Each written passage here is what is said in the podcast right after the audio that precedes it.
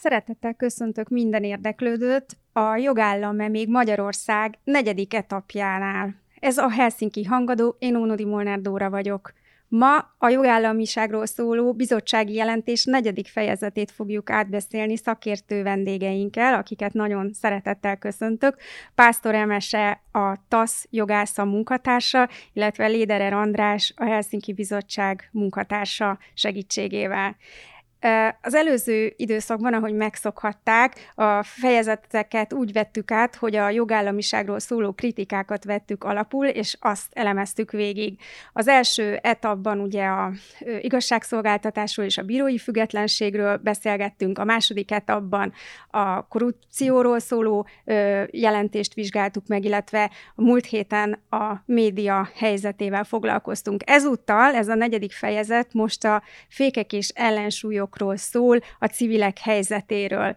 És mint minden alkalommal, már hagyományosan megkérdezem vendégeinktől, hogy egy tízes skálán, ha értékelnetek kell ezt a negyedik fejezetet, a jogállamiságról szóló jelentésben, a civilek helyzetéről és a fékek és ellensúlyok rendszeréről, ti hogyan látjátok a bizottság reális, pontos képet festett ebben a magyar helyzetről? Volt-e hiányérzetetek? Hányast adnátok nekik egy tízes skálán? Emese, köszönöm szépen. Szerintem összességében ez talán egy jobban sikerült fejezet. Én hetest mondanék óvatos becsléssel. Talán az Alkotmánybíróságról nem adott egy olyan áttekintő képet ez a jelentés, hogy ami folyamatában tudta volna megmutatni azt, hogy hogyan hogyan veszítette el, vagy veszített legalábbis a független státuszából az alkotmánybíróság, úgyhogy ezt önmagában ebből a jelentésből nem lehet megérteni, de azért, azért nagyon sok hasznos információt tartalmaz, és, és hát egy ilyen alapvető képet lehet kapni a dolgok állásáról. Um, eredetileg én is hetest akartam mondani, de akkor inkább mondok egy nyolcast, mert ez a kedvenc számom.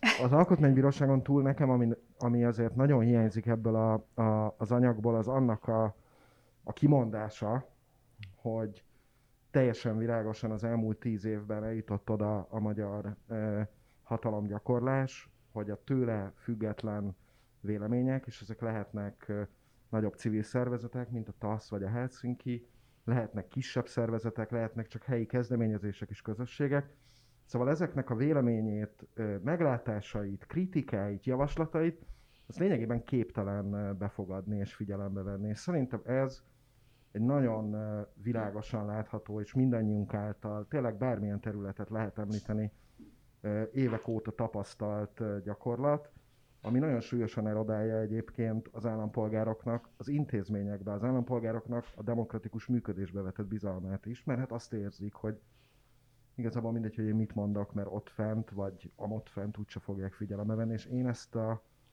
a konklúziót, ezt én hiányolom ebből a jelentésből. Egyébként nagyon sok minden szerepel benne, ami hát azért is lehet így, mert ezekről a dolgokról évek óta nem csak mi magyar civil szervezetek, hanem rengeteg nemzetközi szervezet is világosan beszélt, mint egyre súlyosbodó problémákról. Tehát ilyen értelemben meg újdonság igazából szerintem nem volt ebben a fejezetben. Akkor térjünk is erre a rengeteg mindenre, amit említettél. A bizottság kritizálja a jogalkotási folyamat átláthatóságát és minőségét, különösen kritikusan szól a társadalmi egyeztetés hiányáról, amikor jogszabályalkotás folyik. Én gyorsan két példát hoztam a közelmúltból, hogy a érdeklődők értsék, hogy pontosan miről van szó, amikor elmarad az egyeztetés. Az egyik egy ilyen szimbolikus ügy volt, amikor az MTA elnöksége 54 percet kapott arra, hogy a költségvetésével és a, az egész intézményhálózatával kapcsolatos döntést véleményezze és hát nagyon friss dolog is van itt a közelmúltban, a ö, Színművészeti Egyetem kérdése, ahol két hónapot adott a ö, minisztérium arra, hogy a egyetem működésének ö, modellváltása folyjon le, történjen meg minden, és hát ez sem a meríti ki a kellő felkészülési időt egyébként, amit az alaptörvény előír tehát miért fontos ez? Ha túl sok időt ad egy kormány a ö, egyeztetésekre, akkor esetleg elolvadnak az eredeti ö, szándék ö, mögött lévő akaratok, és esetleg kiüresednek azok a ö, kormányzati ö, vágyak, amelyekkel mondjuk meg akarnak alkotni egy jogszabályt. Hogyha túl sokat egyeztettek, akkor egyszer csak elporlad az, ami az eredeti cél. Tehetem föl az ördögügyvédjeként, mit gondoltok arról, hogy miért annyira fontos? Mi a jogállamiság szempontjából miért kritikus kérdés, hogy egyeztetnek-e? Abszolút kritikus kérdés, igen, és hát most itt ebben az esetben az ördögügyvédjével szerintem elég könnyű vitatkozni, mert hát azért az egy, az egy elég jól felfogott társadalmi érdek, hogy a jogszabályoknak legyen társadalmi legitimitása.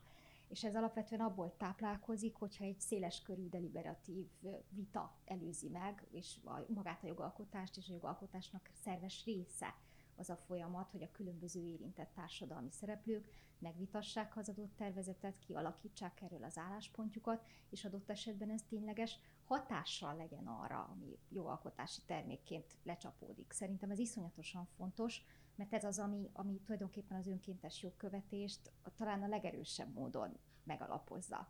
Úgyhogy én, én ezt a jogalkotás és hát egyáltalán a jogállamiság és a jogbiztonság szempontjából abszolút egy kulcskérdésnek látom.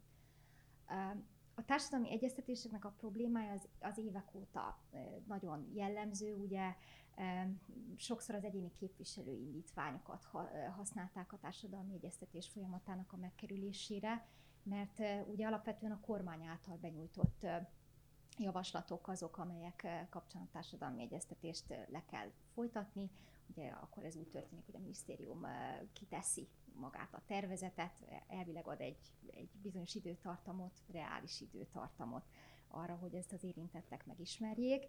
Ugye egyáltalán, hogy legyen nyilvánossága annak, hogy ez ott van, tehát hogy ezt észre lehessen venni, és erre reakciót ke- is kell adni, még hogyha ez a válasz nem is kell a törvény szerint, hogy egy egyéniesített válasz legyen, de azért csoportosítva tulajdonképpen ezeket a különböző észrevételeket, ezek, ezeket valamilyen formában nyugtáznia kell annak a szernek, amelyik a jogalkotást előkészíti, ugye adott esetben a minisztériumnak, és akkor még mindig csak arról beszélünk, hogy ezek a vélemények elhangoztak, de arról meg még mindig nem, hogy ezeknek bármiféle fogonatja is lenne, és hogy ezeknek a hatása az, az megjelenne magában a törvényalkotási eljárásban. Most első körben ennyi, aztán még hát, ha visszatérünk erre. Több dolog jutott eszembe ennek kapcsán. Az egyik az az, hogy, hogy szerintem az egy reális felvetés, hogy vannak olyan helyzetek, amikor egyszerűen a, a, a törvény célja miatt tényleg indokolt egy sokkal gyorsabb jogalkotási folyamat. Erre egyébként lehetőséget ad a Magyar Házszabály is. Ezekkel egyébként előszeretettel él is a kétharmados többség, ugye erről a parlamentnek kell dönteni, erről nem a kormány dönt. Amiről itt beszélgetünk, az nem ez a kérdés, hanem az, hogy legyen szó a virágkötészeti szabályoktól egészen addig, hogy felhatalmazási törvény, érdemi konzultáció sem az állampolgárokkal, sem az adott területen dolgozó szakmai és civil szervezetekkel nincsen. És ez azért is probléma, mert bár mindannyian azt gondoljuk, hogy mi vagyunk a világ legokosabb emberei, de közben tudjuk, hogy ez nem így van. És mondjuk egy ilyen egyeztetés során, még akkor is, hogyha nincsenek mondjuk egyetértések a szakpolitikai célok tekintetében, hogy egyetértünk-e, hogy most ezt szigorúbban kellene büntetni, mások meg azt gondolják, hogy ezt inkább egyáltalán nem kellene büntetni egy adott cselekményt. De még egy ilyen helyzetben is, amikor a célban sincsen egyetértés, az, hogy az eszközöknek mondjuk a hatékonyságáról tudjunk beszélgetni. Ez az adott szempontból jó lesz, vagy nem lesz jó. Én, aki a terepen dolgozom, és minden nap azokkal az emberekkel foglalkozom, akiknek az életét te, mint törvényalkotó most gyökeresen meg akarod változtatni, én azt tudom mondani, hogy ennek az elképzelésnek lesz egy olyan nem várt következménye, hogy és ez egy mindenhol egy normális döntéshozatali mechanizmusban ez így néz ki. És aztán majd eldöntik valóban, hogy ezt most figyelembe veszik, vagy nem. De ez egyáltalán nem történik meg. És Ami nem a... elég legitimáció ezekhez a, ezeknek a döntéseknek a keresztülviteléhez, hogy négy évenként választhatnak az állampolgárok, és hogyha nem tetszik az egyeztetési folyamat, meg a kormánynak az egyéb munkája, akkor négy évenként ö, dönthet arról, hogy akarja ezt, vagy nem? Nem, ugye az egy, hát hogy most már nagyon régóta szerintem egy ilyen 25-30 éve, konszenzus van abban a politika tudományban is, hogy pusztán a választások megtartásának léte vagy nem léte az nem e, egyenlő azzal, hogy egy országban demokratikus jogállami működésről beszélhetünk el.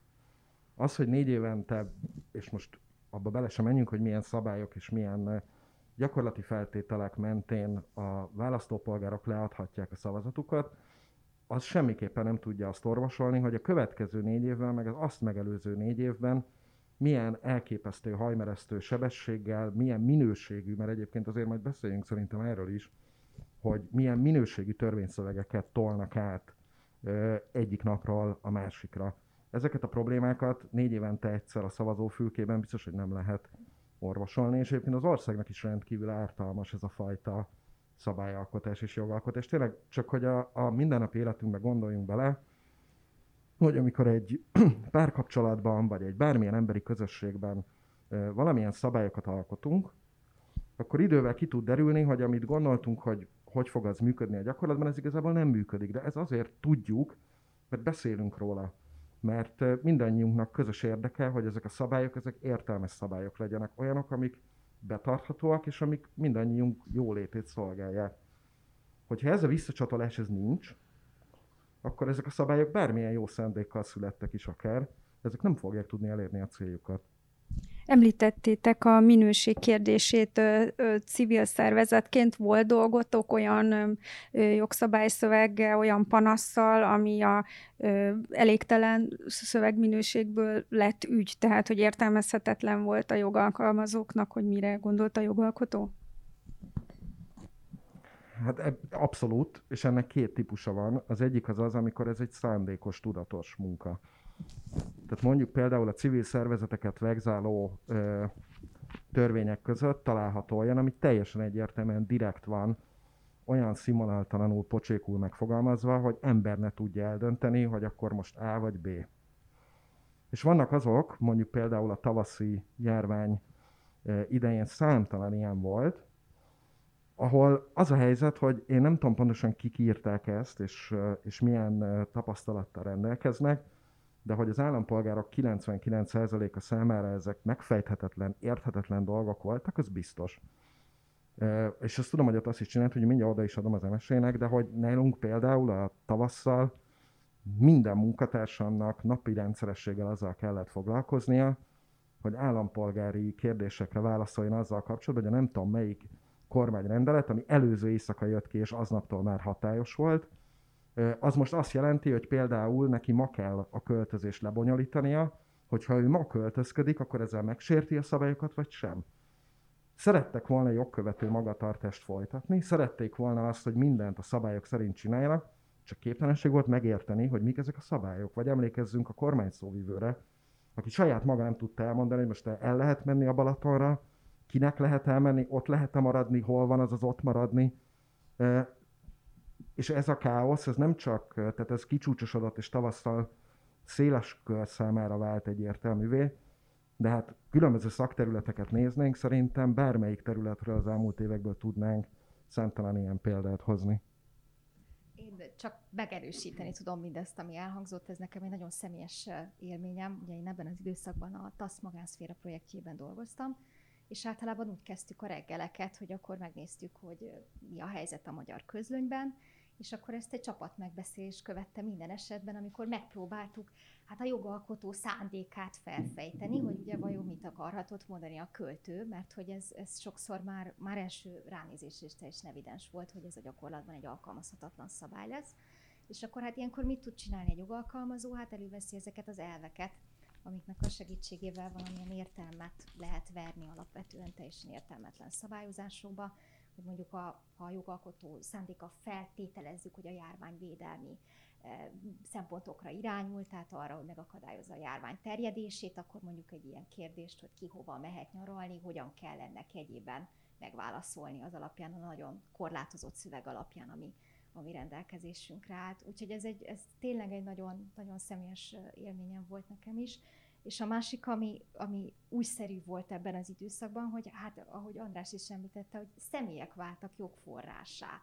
Tehát, hogy az operatőr törzsnek a tájékoztatói mondjuk Müller Ceciliától lehetett megtudni teljesen új, és egyébként a, a jogszabályban nem feltétlenül lecsapódó fejleményeket, és akkor mindig ehhez kellett igazítani az értelmezést. Ilyen jogsegély dömpinggel a TASZ-nak én azt gondolom, hogy a korábbi évek alatt soha nem kellett szembenéznie, és erre egy nagyon, nagyon erős társadalmi igény mutatkozott, hogy ezeket a szabályokat valaki megpróbálja áttekinthető formában kommunikálni, mint ahogy azt ti is mindannyian csináltátok.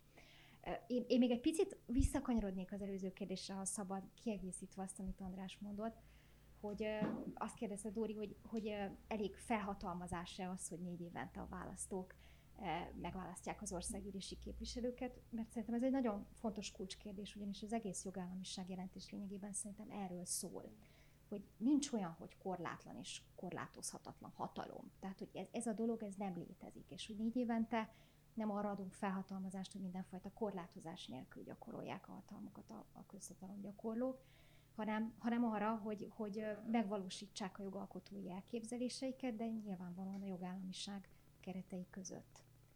Úgyhogy szerintem ezt, ezt, ezt még azért fontos. A jelentés részletesen taglalja, hogy tavasszal, amiről ti is most beszéltetek, a különleges jogrend bevezetése kapcsán milyen rendelkezéseket fogadott el a kormány, illetve az országgyűlés. Mondanátok ezek közül olyat, ami kifejezetten aggályos volt? Az jelentés hangsúlyosan felhívja rá figyelmet, hogy itt több olyan történet is volt, ami jogállami szempontokból nagyon kritikus. Hát mondok egyet, ami egy olyat, ami valószínűleg keveseknek uh, uh, ismert a, a mivel hogy ez nem magyar állampolgárokra vonatkozott, hanem külföldiekre. Részben egyébként Európai Uniós állampolgárokra, tehát nem csak úgy külföldiekre, hogy unión kívüli államok polgáraira. És ez pedig azt mondta ki, hogy abban az esetben, hogyha valakit a járvány szabályainak a megsértése miatt kiutasítanak, vagy azt gondolják róla, hogy ezzel kapcsolatban veszélyt jelenthet, akkor ezzel szemben nincsen lényegében hatékony jogorvoslat, nincsen halasztó hatály. Ezt egy rendeletben így átírták. Emiatt egyébként a Helsinki Bizottság panaszsal is élt a, még akkor tavasszal az Európai Bizottság felé, mert hogy ez uniós állampolgárok jogait is jelentősen sérti és korlátozza. És meg is alapította a bizottság, hogy ez a szabály egyébként valóban jogsértő volt. A másik, ami, ami, ami szerintem egy elég, szóval elég jól mutatja azt, hogy igazából a, a járvány alatt kiadott közel 160 rendelet közül nyilván volt számos olyan, ami szükséges volt, rendben volt, lehet egy-két, nem tudom, konkrét intézkedéssel mondjuk szakmai vitát folytatni, amit nem értek, tehát biztos nem fogok, hogy kellett ez, vagy szigorúbb kellett volna. De a rendeletek egy jó részének semmi köze nem volt az ég egyet a világon. Sem a járványhoz, sem annak kezeléséhez, se semmihez. Ilyen mondjuk például a Gödi különleges gazdasági övezetnek a létrehozása. Mivel ez egy rendeletben jelent meg, ráadásul ezért még azt se kellett elbábozni a, a jogalkotónak, hogy valamilyen indoklást fűz ehhez, és kitalál valami hajánál előrángatott elképesztő történetet, hogy a az ottani gyárnak az építése, az pontosan hogyan fog ahhoz hozzájárulni, hogy kevesebb ember fertőződjön meg Magyarországon. Úgyhogy ezzel a mai napig igazából adósak is, de az, hogy ezt meg lehetett csinálni tényleg egyik percről a másikra, az is a rendeleti kormányzásnak volt köszönhető. Ugyanígy ennek volt köszönhető az, hogy egy magántulajdonban álló céget szintén a mai napig nem lehet tudni, hogy milyen okból kifolyólag egyik napról a másikra államosítottak. Azért azt szerintem egy piacgazdaságban és egy demokratikus jogállamban minimum indoklást ér, hogy egy magántulajdonban lévő cég az hogy kerül hétfőről kedre az állam felügyelete alá. Ezt a mai napig nem tudjuk. És még tudnék néhány hasonló példát mondani, csak ezzel, ezekkel azt akarom mondani, hogy amikor egy ilyen rendkívül széles és időben korlátlan felhatalmazást kap egy olyan kormány, amelyik egyébként, mint ahogy ebből a jelentésből is kiderül, tudatosan leépítette lényegében az összes tőle független ellenőrző mechanizmust, ami gátat szabhatna az ilyen furcsa jogalkotási kérdéseknek, akkor, akkor szerintem jogosan kongatják a vészharangot, és jogosan kongattuk a vészharangot tavasszal, és nagyon sajnálom egyébként, hogy úgy látszik, hogy ebben ráadásul még igazunk is volt, nem csak a veszély állt fent, hanem nagyon konkrétan olyan szabályok születtek, amik egyrészt uniós jogba ütköznek, másrészt pedig tényleg az ég egyet a világon semmi köze nincsen az eredeti célhoz, vagyis anna, ahhoz, hogy a járvány hatásait csökkentsék, hogy a járvány kitettségének veszélyeit csökkentsék. Igen, ezekről a kockázatokról. Szóval, hogy az egy teljesen jogos kérdés, hogy mi az, ami megtörtént, és hogy mik azok a példák, amik, amik nagyon kirívóak, és én is ezt a Gödi példát hoztam volna fel valószínűleg. De, de ez a másik, másik oldala viszont ennek az egész történetnek, hogy hol van a fal, ameddig el lehetett volna menni ezekkel a szabályokkal, és igazából, amit én igazán dermesztőnek érte, éltem meg, hogy ezt nem lehet megállapítani.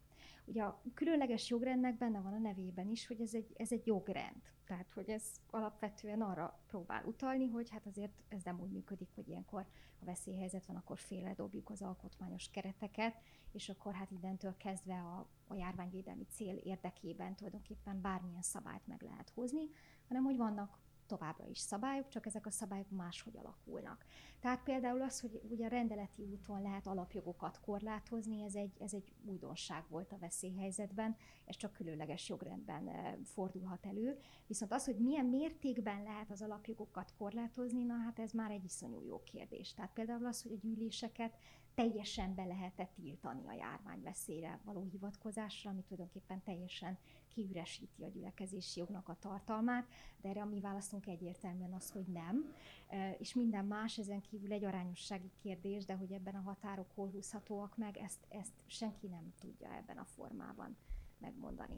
A TASZ-nak volt egy ügye, a, mi a rémhírterjesztéssel összefüggő rendelkezésről szólt ott mit, hogy sikerült előre haladni, mi lett annak az ügynek a, a, a következménye. Ugye ott aktivisták a Facebookon tettek mindenféle kijelentéseket, és egyszer csak azt találták, hogy elviszi őket a rendőr. Igen, hát ugye a rémhírterjesztésnek a szabályai már léteztek a büntető törvénykönyvben, és ezeket módosították, és a veszélyhelyzetben tulajdonképpen ezeket fokozott szigorral lehetett alkalmazni, ez a kérdés ez az alkotmánybíróság elé került, és az alkotmánybíróság azt állapította meg, hogy tulajdonképpen ez a szabályozás teljesen rendben van, ugyanis csak is kizárólag a hamis tényállításokra vonatkozik ez a korlátozás, hamis tényállításokat tenni nem lehet.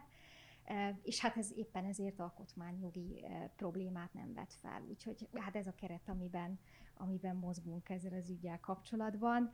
Hát ennek a kifutásáról megmondom szintén, hogy én pontosan ebben a pillanatban nem tudok mondani, hogy ezzel mi lesz a helyzet, de azért ez nagyjából előrevetíti, hogy, hogy, hogy, hogy mi ez a játék. Meg ugye az a kockázata, veszélye, hogy esetleg ennek a példának a negatív hatása korlátozni fogja, öncenzúrára Így készteti az amúgy Facebookon aktív vélemény rendelkező állampolgárokat. Igen, hát ezt nevezi a Strasbourg gyakorlat dermesztő hatásnak. Tehát ez az, amikor az ember inkább visszafogja magát, mert tudja azt, hogy egy, egy szankcióval nézhet szembe akkor, hogyha szabadon kimeri engedni a véleményét. És hát ez is egy nagyon fontos jogállamiság kérdés, ami, ami valószínűleg szintén a közhatalom gyakorlóinak a céljait szolgálja, hogy ne legyen szabad a szólás ezek szerint. A jelentés kiemelten foglalkozik a független intézmények gyengítésének kérdésével, és külön kiemeli, hogy mi történt az alapjogi biztos hivatalával. Ti mindketten foglalkoztok ezzel a kérdéssel, hogy ebben a 2010 óta tartó változásban, ahol most már a harmadik biztosnak a munkáját kísérhetjük, mi változott, hogyan képviselték az ügyeket, hogyan tudnátok összefoglalni az elmúlt éveket, hogy mi az, ami miatt a bizottság ezt problematikusnak találja ennek a hivatalnak a működését. A, az egyik legerősebb érve ebben a jelentésben is ezzel kapcsolatban az az, hogy van egy, van egy független nemzetközi szervezet, az ENSZ mellett működik, aminek az egyetlen feladata az az, hogy minden országban, a mondjuk a Magyar az Ombudsmani Hivatalnak megfelelő intézményt, ha létezik ilyen, annak a működését vizsgálja, hogy valóban mennyire független. És bizonyos időközönként tart egy vizsgálatot, és utána eldönti, hogy továbbra is A osztályú, vagyis azt mondja, hogy független, vagy B osztály, vagyis nem függetlenbe sorolja. Most a Magyar uh, Alapjogi Intézménynek tavaly uh, októberben volt ez a ciklikus vizsgálata, ahol úgy döntött az ENSZ bizottság, hogy inkább elhalasztja a döntést. Egyrészt azért, mert hogy egy új biztos lépett uh, hivatalba, másrészt pedig, hogy lehetőséget adjon bizonyos problémáknak a megoldására és tisztázására. És mik voltak ezek a problémák? Hát az első és legfontosabb az az, hogy a, az ombudsman megválasztása az mindenfajta transzparenciát, társadalmi, érdemi társadalmi egyeztetést nélkülöz.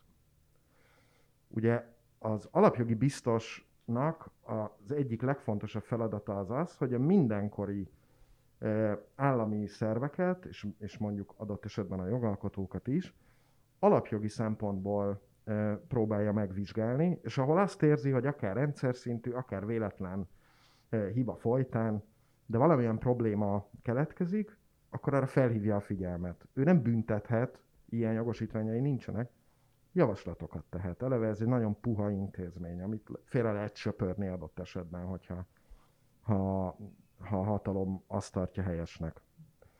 De egy ilyen szerepbe nyilván egy olyan e, folyamat után ideális e, kiválasztani egy embert, ahol kiderül, hogy neki van valamilyen fajta e, bizonyított előélete, hogy ilyen, ügyekre, ilyen ügyekkel foglalkozott, érti, van rá szeme, van rá füle, van rá érzékenysége, hogy ezeket az ügyeket adott esetben a politikai vezetéssel szemben is hajlandó felvetni, legalábbis képviselni, hogy egyébként az ilyen területeken dolgozó emberek, szakmai szervezetek és civil szervezetek tudják, hogy ki ő, támogatják a megválasztását, hogy az állampolgároknak van egy ilyen bizadalma.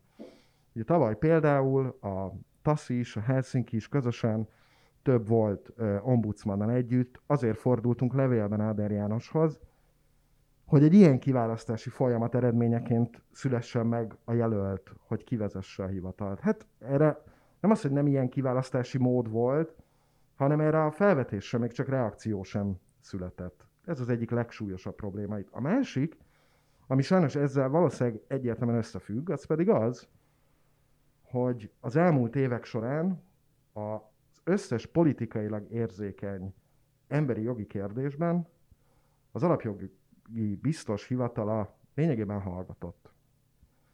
Egyetlen egy esetben, és most ö, ö, ö, én ugye alapvetően a Helsinki-nek a menekültügyi programjában dolgozom, úgyhogy sajnos ezt a tevékenységét a, az alapjogi biztosnak elég jól ismerem, mert csak azért is, mert nagyon minimális ez a tevékenység. Egyetlen egy ügyben gondolta az elmúlt öt évben a hivatal, hogy az alkotmánybíróság elé menjen, ez a kötelező betelepítési kvóta kérdése volt, ahol a kormány álláspontját képviselve kérte az, az alkotmánybíróságot, hogy mondja ki, hogy az alaptörvény ellenes. Se azzal kapcsolatban nem volt szava, hogy gyermekeket zárnak korlátlanul fémkonténerekbe a határon, azzal kapcsolatban se érezte, hogy meg kellene szólalni, hogy emberek tucatjait éheztették a hatóságok ott a határon. Azzal kapcsolatban se érezte fontosnak, hogy megszólaljon hogy mindenféle vizsgálat nélkül próbálnak embereket a származási országukba visszaküldeni, ahol lehet, hogy a halál vár rájuk. Ezek a kérések valahogy évek során, annak ellenére, hogy többször többen kérték, hogy ezt vizsgálja meg, menjen el a tranzitzónába, nézze meg, hogy ott mi folyik, egyetlen egyszer nem talált erre alkalmat. Ha ilyen kérésekben vagy, akár csak gondoljunk Gyöngyös Patelra, hogy az év első három hónapjában, négy hónapjában, amikor a Gyöngyöspatai szegregációs ügy volt a a, a közvélemény homlokterében a miniszterelnöknek köszönhetően. Ebben az ügyben mondjuk emlék, vannak-e olyan emlékeink, hogy a az alapjogoki, alapjogokért felelős emberek megszólaltak volna. Nincs. És ez nincs így rendjén. Ezeknek az embereknek az a dolguk, hogy akár kisebb, akár nagyobb, és leginkább a rendszer szintű jogsértésekkel érdemben foglalkozzanak, és felhívják a jogalkalmazó és a jogalkotó figyelmét is arra, hogy milyen változtatások szükségesek. Ezek pedig nem nagyon történtek meg a politikailag érzékeny ügyekben. Ez pedig nyilván megengedhetetlen egy ilyen e, intézmény e, esetében. Csak ahhoz kapcsolódva, hogy ugyan mi köze van a civil szférának ahhoz, hogy ki legyen az ombudsman? Mert ugye azért ezzel szemben elég könnyű érveket felhozni, hiszen hát az alaptörvény szerint a köztársasági elnök tesz javaslatot az ombudsman személyére, hogy jön itt képbe a civil szféra. Egy picit azért erről is beszéljünk. Ugye vannak ezek a párizsi elvek, amik nagyjából szabályozzák a független ombudsman intézmények működésének a kereteit, és azt, hogy mire jöttek létre, tehát milyen, milyen feladatot lát el egy ombudsman. És egy ombudsmannak az egyik legfontosabb feladata az az, hogy a civil szférával tartsa a kapcsolatot, Azért, mert a civil szféra az az őrkutya tulajdonképpen, aki rá tudja irányítani a figyelmet azokra a jogsértésekre, amiket neki kell vizsgálnia. Tehát az ombudsmannak, a mindenkori alapvető jogok biztosának az a, az a munkakörének az egyik legelementárisabb része, hogy folyamatosan egyeztessen a civil szféra képviselőivel, nemzetközi jogi kötelezettsége, hogy így járjon el, ez nem jelent semmiféle részrehajlást, és éppen ennek a logikus következménye az, hogy a kiválasztási folyamatban a civil szféra szereplőit is be kell csatornázni. Úgyhogy ez a, ez a kezdeményezés ez innen jött, és ez volt ennek az egésznek a gyökere, és hát valóban rosszul indult ez a kapcsolat, hogy ez a, ez a felvetés, ez, ez teljes egészében reakció nélkül maradt, és hát az pedig egyébként szintén nem egy kifejezetten jó ómen, hogy az alapvető jogok biztosan a kormányzati múltja van, tehát különböző befolyásos tisztségeket töltött be közhatalom gyakorlóként, és hát most ugye pedig abban a szerepbe kellene helyezkedni, hogy éppen a közhatalom gyakorlóinak legyen az ellensúlya, tehát hogy kritikus szemmel tudja nézni a közigazgatás működését és a különböző hatóságoknak a működését.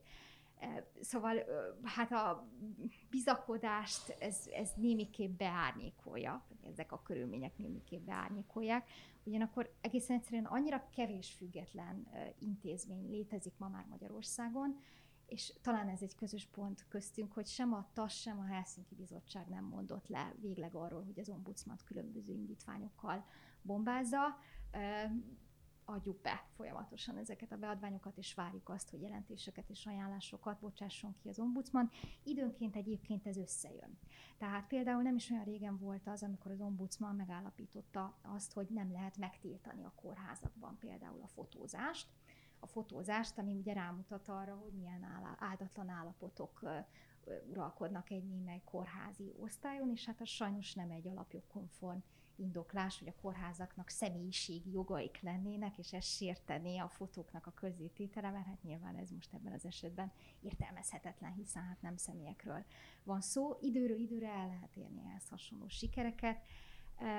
Adtunk be közös beadványt, emlékeim szerint a nyári teljes gyülekezési tilalom ma kapcsolatban is, ezt is vizsgálja az ombudsman, illetve tudomásom szerint tegnap került az ombudsman elé az a szintén közös beadvány, amely arról szól, hogy a Meseország mindenki könyvvel kapcsolatban a, a különböző kormányzati szereplők milyen egyébként hát akár a zaklatást is megvalósító, kirekesztő megjegyzéseket tettek, és, és nyilván közhatalom gyakorlóként nem kommunikálhatnak így ebben a szerepben. Várjuk az alapvető jogóbiztosától azt, hogy, hogy kivizsgálja ezeket a kérdéseket. Nagyon jó, hogy ezeket a példákat említetted, mert örülök, amikor mindig olyan ö, eseteken keresztül lehet bemutatni a jogállamiságról szóló vitát, amelyek egyébként a közé, mindenkit érintenek, tehát ha valakinek a rokona kórházban van, vagy valamelyik családtagjához bemegy, és látott valami borzasztót, amit szeretne országvilág elé tárni, hogy ez mennyire minősíthetetlen, hogy ebben például ne korlátozza őt semmi. Ö, azért az ombudsman minden kritika ellenére, amit András elmondott, azért voltak olyan megnyilvánulásai, amelyekkel alkotmánybírósághoz is fordult, például amikor a hajléktalanság kriminalizálásának jogalkotási folyamata történt, és hát aztán látjuk, hogy a kormány ezügyben hogyan döntött, mit reagált, hozzányúlt az alaptörvényhez, hogy már ne lehessen többet az alkotmánybírósághoz fordulni. Ezt ti hogyan látjátok, hogy túl azon, hogy egy jogállamisági jelentésről beszélünk, amiből kiderül, hogy ez nem a jogállamisággal összeegyeztethető momentum, de hogy ez az elmúlt tíz évben hogy alakult? Hány olyan ügy volt, amikor ilyen formán ignorálta a jogalkotó az egyébként watchdog szervezetek figyelmeztetését? Hát szerintem ember legyen a talpán, aki erre, erre válaszolni tud. Ne, tényleg nem tudom, tehát hogy azért a, azt hiszem mind a kettőnknek a, a, a, a, a, a konkrétan a TASZ is, meg a Helsinki is az elmúlt pár évből is és számos ilyen példát tudna mondani, és ami egyébként aggasztóbb, és az, az pont beleillik ebbe, a, amit mondasz, hogy a hajléktalanságot először az alkotmány, nem a hajléktalanság kriminalizációját, először az alkotmánybíróság is alaptörvénybe ütközőnek találta, majd ugye módosították az alaptörvényt, és akkor onnantól kezdve ezzel nem volt probléma. Ugyanezt látjuk a gyöngyöspatai szegregációs ügyben. Hosszú-hosszú évek ö, kitartó pereskedésével elérték azt ö, a ö, szegregált diákok és jogi képviselőik, hogy ne csak kimondassék az, ami velük történt, de valamilyen fajta, én azt gondolom továbbra is, hogy inkább szimbolikus anyagi kártérítést ítéljenek meg az érintetteknek. Most azon túl, hogy ezt ki akarták fizetni, és az ezzel kapcsolatos vállalhatatlan politikai kijelentéseket tegyük is zárójelbe, ugye az történt a nyáron, hogy a kormány többség úgy módosította a vonatkozó szabályozást, hogy soha többet ne lehessen Magyarországon ezért kártérítési pert indítani. Ez egy nagyon súlyos jogállamisági kérdés, hogy ha vannak világos szabályok, amik elvileg mindenkire vonatkoznak, a kormányra ugyanúgy egyébként, mint bármilyen átlag állampolgára vagy átlag szervezetre, és egy ügyben elveszti a jogi vitát a kormány, akkor erre normálisan nem az a reakció, hogy lecserélem a félbírói kart, meg feltöltem az alkotmánybíróságot, meg módosítom az alaptörvényt, meg módosítom a, a, az adott jogszabályi kereteket. Ehhez képest az elmúlt években számtalan ilyen példát láttunk, és mondjuk akkor most csak zárójelben jegyzem meg, hogy ugye a napokban e, e, e, szavazta meg a, a parlament a, a kúria új elnökét, hogy ez mennyire illik bele egyébként ebbe a trendbe, és az, hogy úgy e, választották meg kúriai, vagy úgy, neve, úgy jelölte Áder János kúria elnöknek Varga András, hogy egyébként a korábbi törvényi feltételeknek abszolút nem felelt meg. Egy évvel ezelőtt egy család a törvényben módosították a szabályokat, hogy majd most ki lehessen nevezni. Ezek mind nagyon súlyos problémák. De tényleg, tehát az olyan, mint egy társasjáték, ahol menet közben én úgy érzem, hogy kezdek rosszul állni, és akkor azt mondom, hogy jó, eddig a piros volt a nyerő, holnap mostantól a kék a nyerő, és majd az lesz nekem a jobb. Ezt egy társasjáték esetén is erre azt szoktuk mondani, hogy feláll az ember és kimegy. Vagy kizárják a csalót. Vagy kizárják a csalót. És igazából azért is igen jó ez a, a kórházas példa, meg mondjuk szerintem a, a bíróság is egy elég egyértelmű ügy ebből a szempontból, mert itt lehet azt tetten érni, hogy amiről hosszú évek óta nagyon sokan beszélnek, hogy a tudatosan rombolja a kormány a jogállamiságot, az milyen hétköznapi problémákat eredményez. Az oktatáspolitikában is lehetne ilyeneket mondani, ugye nem csak a szegregáció kérdésében, hanem amikor tavasszal gimnáziumi felvételi kapcsán egyszer csak átírja az egész felvételi rendszert a helyi tankerületnek a vezetője, senki nem tudja, hogy mi alapján és hogyan. Hát ezekben a, a, a momentumokban jelenik meg az, hogy mennyire súlyos az, hogy Magyarországon megszűnt lényegében a jogállam, legalábbis az államhatalom nem tekinti magára nézve kötelezőnek ezeket az elveket. Azért néztem a mesére, hogy a ombudsmani hivatalnak a tevékenységére egy picit visszakanyarodva, hogy ti tapasztaltatok-e olyat, hogy azért sikerrel, a, a kórházi történeten kívül, hogy sikerrel lehetett valamilyen ügyet átvinni, aztán a kormány mégse hallgatta meg. Tehát, hogy igazából a jelentés, a bizottsági jelentés arra is utal szövegében, hogy ha még történtek is ilyen megállapítások, azok súlytalanná váltak voltak, tehát nem igazán volt jogkövetkezménye. Ez egy borzasztóan nehéz kérdés, mert az, hogy az ombudsmannak mekkora súlya van, az mindig attól függ, hogy milyen magának az ombudsmannak a szerepfelfogása. Ugyanis hát az ombudsmannak hatáskörei nem nagyon vannak a törvény szerint, illetve a hatáskörei azok leginkább vizsgálati jellegű hatáskörök, tehát lényegében bárhova bemehet, bármilyen iratot bárkitől elkérhet, interjúkat készíthet, beszélgetéseket folytathat le, tehát erős vizsgálati hatáskörei vannak, de ahogy a Nadrás is említette, döntéseket nem tud hozni, csak ajánlás jellegű észrevételeket tud tenni. És hát tulajdonképpen ez az ő súlyától fog függeni, hogy ezeket az ajánlás jellegű észrevételeket bárki megfogadja-e jogalkotási produktumokat is véleményezhet az ombudsman, nem gyakran gyakorolja egyáltalán ezeket a hatásköreit, úgyhogy éppen ezért én most konkrét választ nem tudok arra adni, hogy, hogy milyen gyakran fogadják meg ezeket a javaslatokat, de hogy a körülmények azok nem arra utalnak, hogy a mostani ombudsman túlságosan nagy hatalmi tényezőt képviselne ebben az egész Fékek és Ellensúlyok című játékban. Tehát kíváncsi lennék arra, hogyha végeznék egy közvéleménykutatást, hogy meg tudják-e mondani az emberek, hogy ki most éppen az alapvető jogok biztosa, fel tudják-e idézni az ombudsman nevét. Mondom mindezt úgy, hogy néhány korábbi ombudsman neve viszont máig ismerősen cseng a, a magyar közbeszédben. Úgyhogy én sem gondolom azt, hogy, hogy túl nagy súlya lenne jelenleg az intézménynek, viszont ez, ez változhat, és hát nem adjuk fel a reményt, hogy ez, ez változni fog egyszer.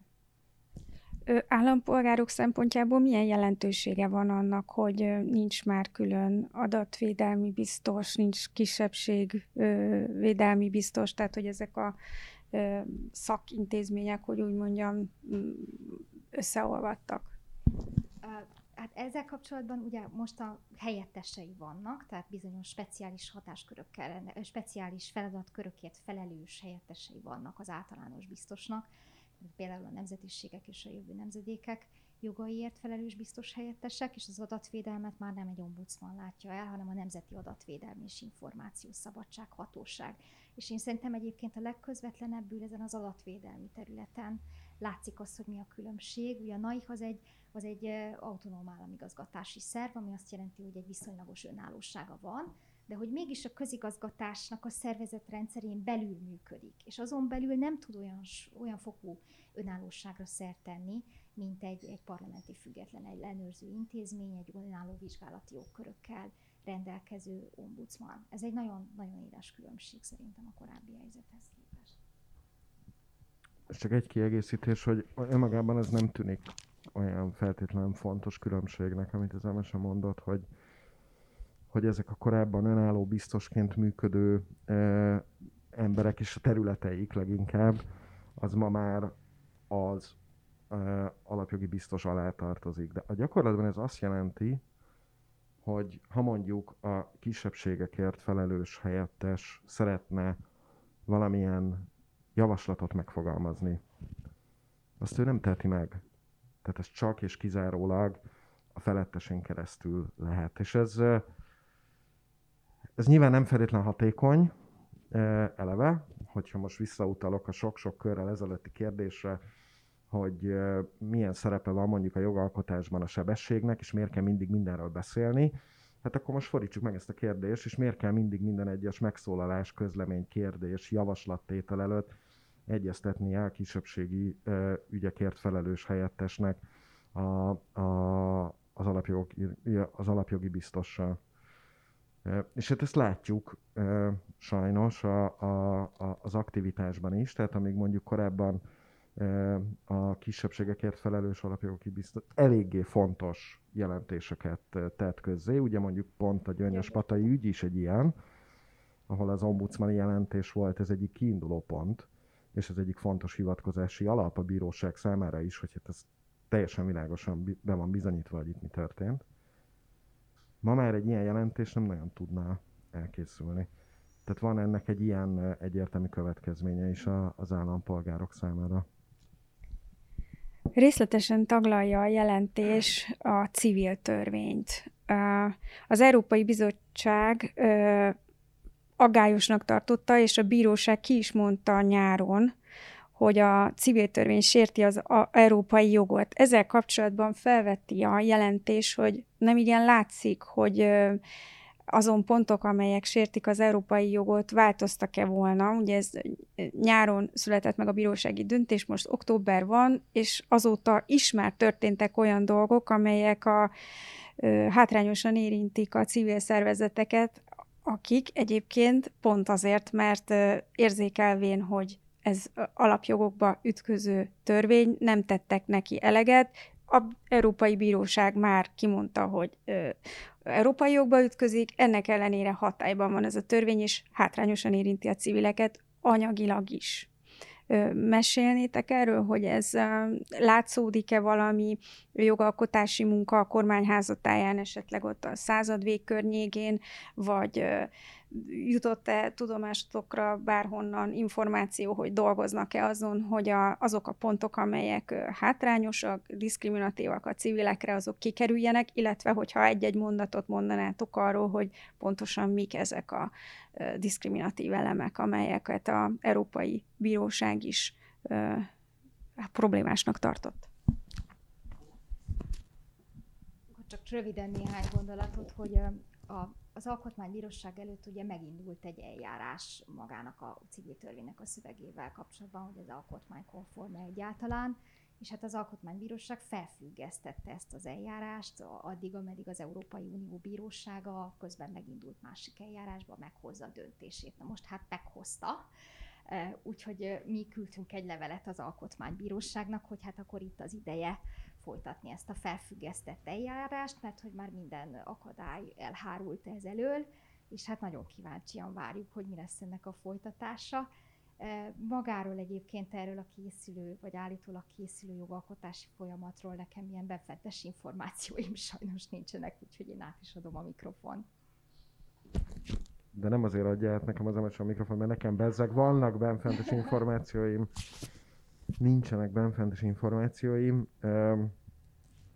Azt, a, tehát ami a nyilvánosságban látszik, azt, azt tudom összefoglalni. Ugye nyáron az ítélet megszületése után egyrészt azt mond, az igazságügyminisztérium ezt úgy értékelte, hogy hát minden rendben van. Ez egy elég érdekes ítél, vagy véleménye azzal kapcsolatban, hogy elkaszálták az országot.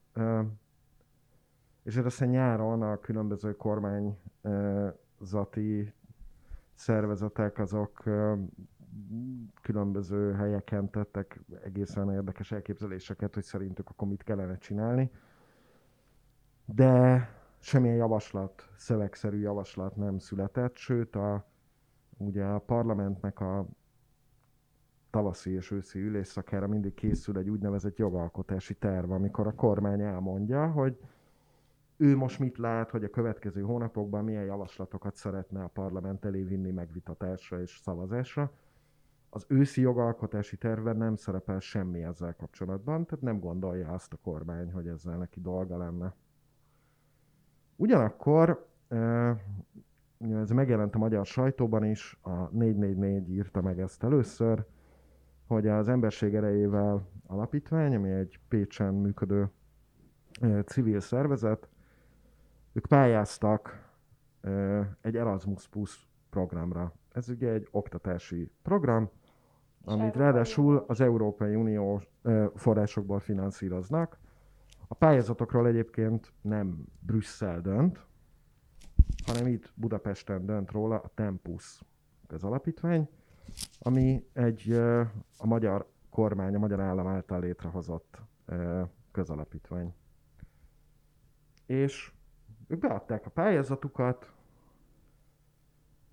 kiderült, hogy ha jól emlékszem, a legmagasabb pontszámot ők kapták, értesítették őket, hogy gratulálunk, nyertetek, És akkor most, ahogy minden ilyen pályázatnál, akkor küldjétek be a nullás igazolást, meg a nem tudom, bankszámlaszámot, meg a mit tudom, milyen technikai dolgokat.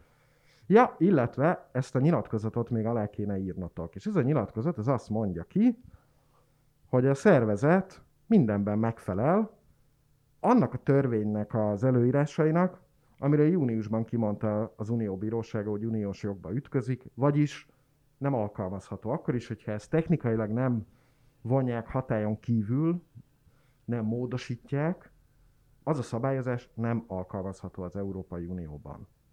Tehát Magyarországon sem. A, az alapítvány vissza is írt, hogy hát itt biztos félreértés van, hiszen megszületett ez a döntés, én nem tudok olyan nyilatkozatot kitölteni, ami egy nem érvényes törvényre vonatkozik, és erre meg is kapták a választ, hogy hát igen, tudják, hogy ezt a, bint, ezt a döntést hozta a bíróság, de szerintük ez még Magyarországon hatályban van, úgyhogy nyilatkozzanak. És hát nem nyilatkoztak. Úgyhogy bár ők kapták a, mondom, én úgy emlékszem, hogy ők kapták a legmagasabb pontszámot, egyértelműen megnyerték volna a kiírást, végül elestek ettől a támogatástól.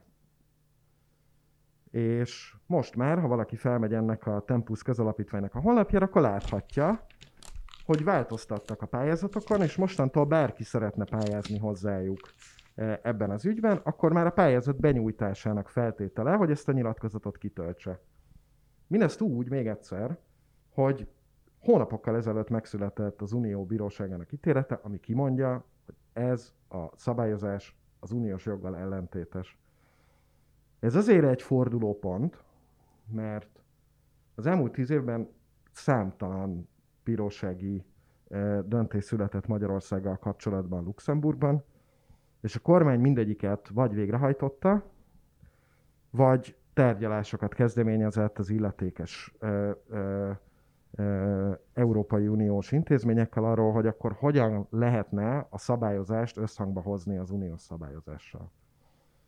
És bármikor, amikor az elmúlt években mondjuk ilyen jogállamisággal kapcsolatos jelentések születtek, akkor például, és mi ö, ö, írtunk ehhez ö, beadványokat, mi ezt mindig bele is írtuk, hogy a magyar kormány eddig az, unió dönt, az uniós bíróság döntéseit végrehajtotta, vagy legalábbis a szándéket kifejezte arra, hogy ezt tegye. Ez az első olyan ügy, ahol teljesen világos, hogy nem csak, hogy nem akarja végrehajtani, hanem most kezdi el azt a törvényt alkalmazni, amiről kimondta a bíróság, hogy nem lehet alkalmazni. Ez még, amikor kijött a mostani jogállamiság jelentés, erről még valószínűleg nem volt tudomása a bizottságnak, nekünk biztos, hogy nem.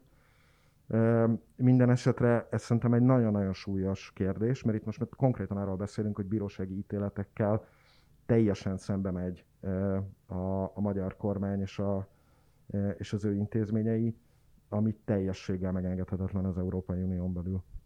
Miért fáj ennyire a magyar kormánynak a civil szféra?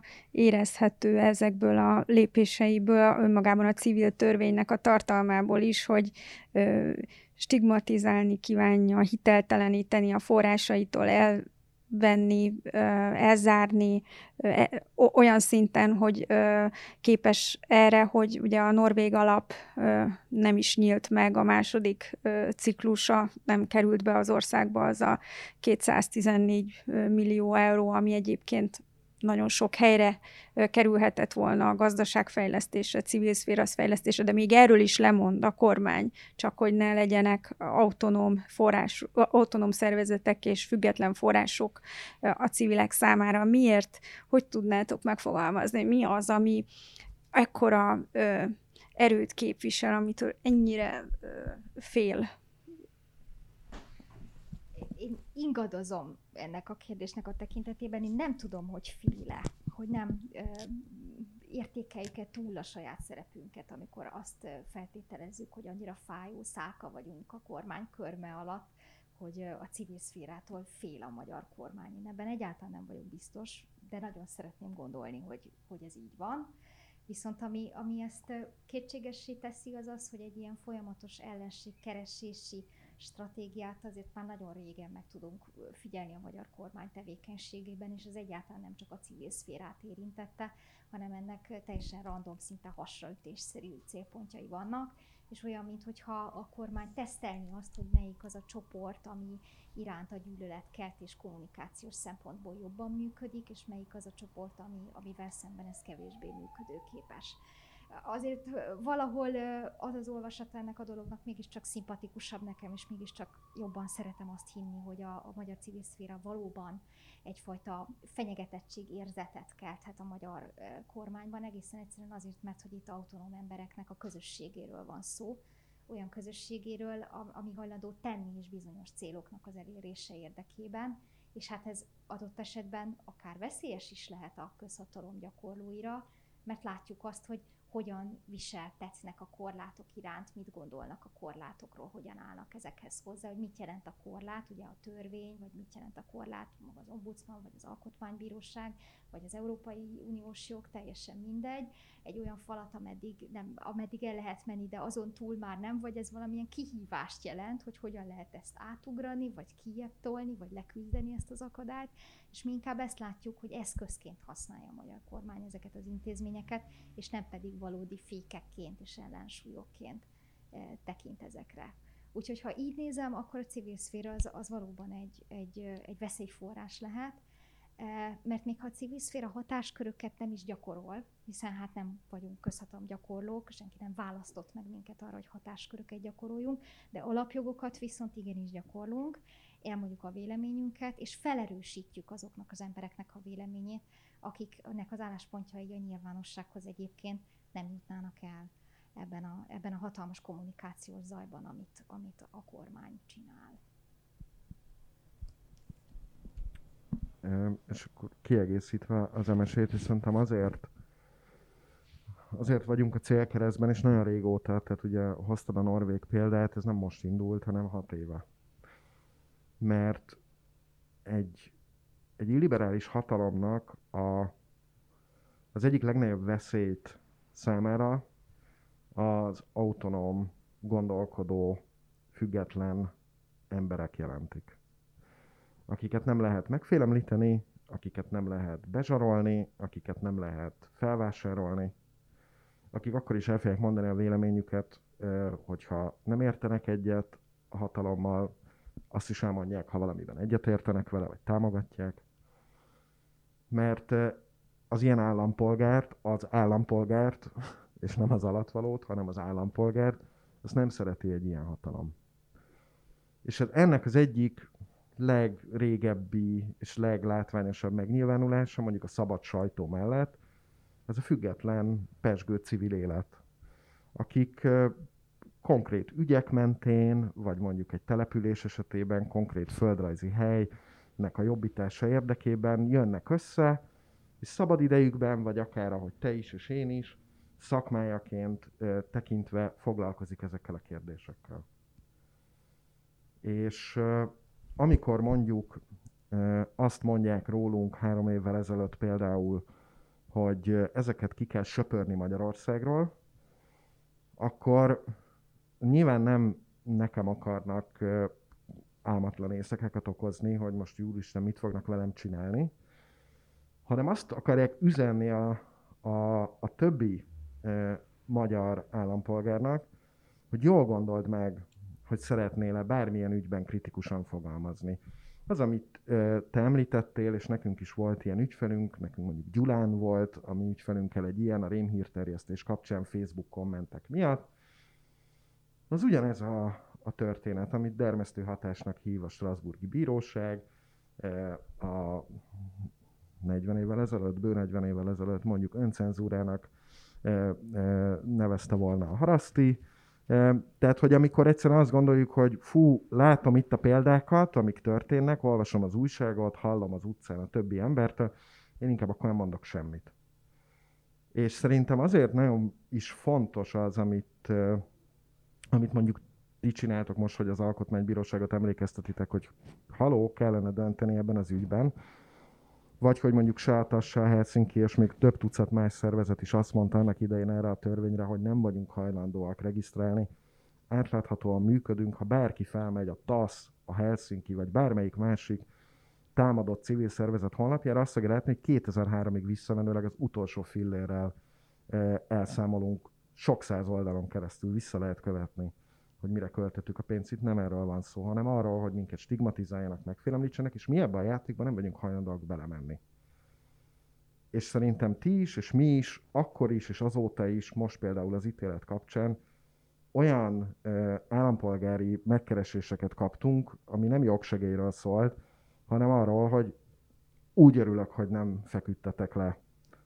Mennyire jó, hogy kitartottatok, és ezt csináljátok. És szerintem e, ez a legfontosabb visszajelzés számunkra arról, hogy ezt nagyon helyesen tettük, hogy küzdöttünk is ez ellen, mert egy csomószor felmerül az, hogy az ember magával szemben, jaj, hát akkor most ne rólunk szóljon már ez a dolog, de igenis ilyen helyzetekben muszáj azt a fajta példamutatást is megtennünk, hogy mi magunkért kiállunk, és te is állj ki magadért, amikor legközelebb a hatalom a nyakadra akar lépni. És mi azban segítünk, abban próbálunk segíteni az embereknek, hogy ott legyünk, amikor szeretnének ezzel ellen fellépni.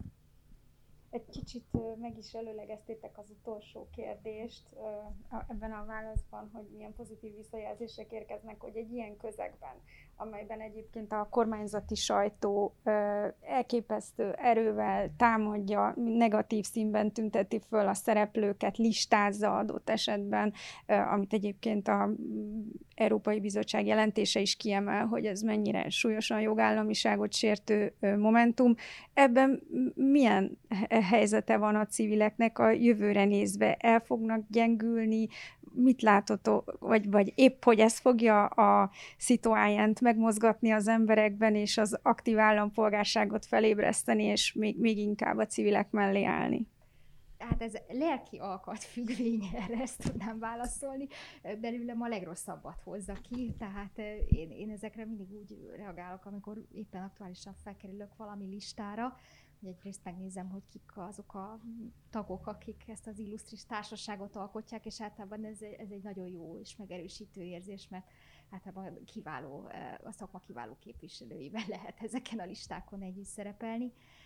Én azt gondolom, hogy azok a polgárok, akik az aktivizmusra fogékonyak, és akik a civil társadalmat alkotják, és akik ennek az ászlóvivői, azok, azok mindannyian úgy reagálnak erre, hogy ez csak ösztönzi az ő, ő tevékenységüket.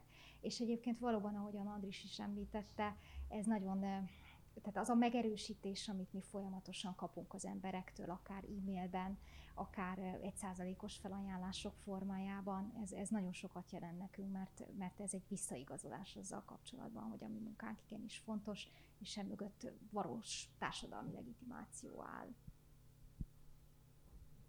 Ezt csak megerősíteni tudnám, úgyhogy csak egy kiegészítést teszek, hogy 2017-ben két út állt a civil világ előtt, a civil társadalom előtt. Az egyik az, hogy, hogy hát jó, akkor mindenki küzd, ahogy küzd ezzel a dologgal, meg csinál, amit csinál, és aztán majd túléljük, és mindenki próbál a saját túlélésért küzdeni. És volt a másik út, amit választott a magyar civil társadalom, ez pedig az, hogy, hogy szolidáris lesz egymással, és összejön. És egy olyan, nem csak a, a bizonyos ominózus hősökteri e, civil szív tüntetésre gondolnak, hanem az azóta eltelt évekre, hogy egy olyan erős szövetség jött létre a legkülönbözőbb területeken, a legkülönbözőbb településeken, a legkülönbözőbb méretben működő szervezetek között, ami valószínűleg egy ilyen támadás nélkül nem született volna meg. Tehát egyébként visszajára fordult, vagy, rossz, vagy fordítva sült el ez az egész, mint, ahogy, mint amit a kormány akart, és szerintem ez egy nagyon jó érzés is mindannyiunknak, akik ebben a, a szolidáris együttműködésben ott vannak. Köszönöm szépen a beszélgetést nektek. Jogállam-e még Magyarország? Erre a kérdésre kerestük négy részben a választ a Helsinki hangadó keretében, és végigmentünk a jog, Európai Bizottság jogállamisági jelentésnek a négy fejezetén. Ezek visszanézhetők, úgyhogy ha valaki fogódzó támpontot, segítséget keres ahhoz, hogy ezt a bonyolult dokumentumot értelmezni tudja, a honlapon megtalálja. Köszönöm még egyszer Pásztor Emesének a TASZ-tól, Léderer Andrásnak a Helsinki Bizottságtól, én Ónodi Molnár Dóra vagyok, legközelebb is lesz Helsinki hangadó, két hét múlva jelentkezünk új témával. Minden jót!